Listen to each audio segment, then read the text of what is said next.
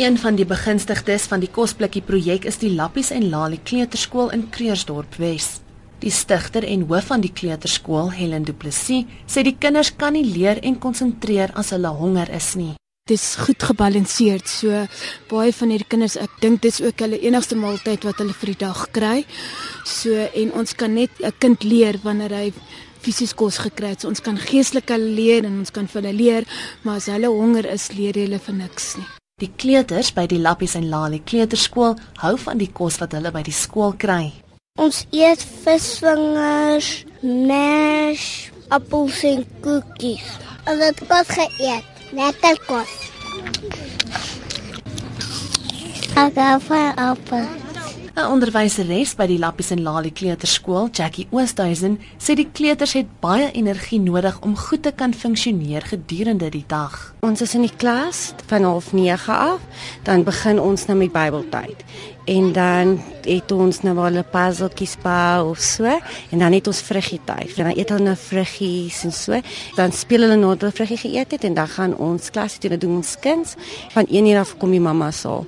En dan die ander maatjies eet weer so 3 uur. Die kleuters sê hulle het baie energie nadat hulle geëet het en kan dan leer in die klaskamer en ook buite met hulle maatjies speel. Ons speel jonge jousie en as ons slaap vruggies eet het dan doen ons groot met toys.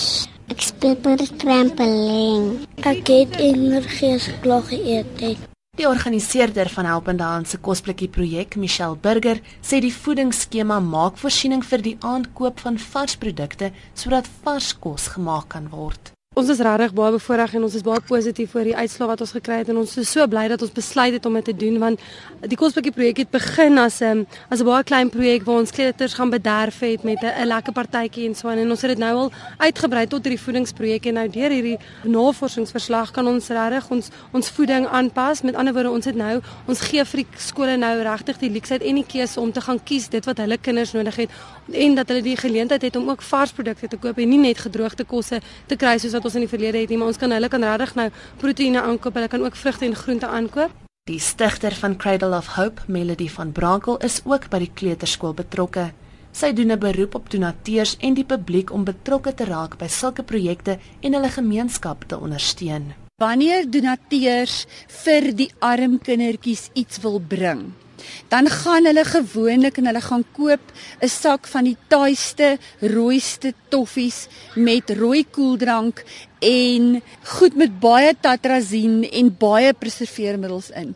En ek pleit altyd as donateurs die kindertjies rondom Madiba dag, Julie maand of Kersfees as hulle die kindertjies wil kom sien, bring vir hulle 'n sjokolademelkie of 'n vrugtesappie in 'n boksie of popcorn of 'n hotdog. Ek is Bianca Nel in Johannesburg.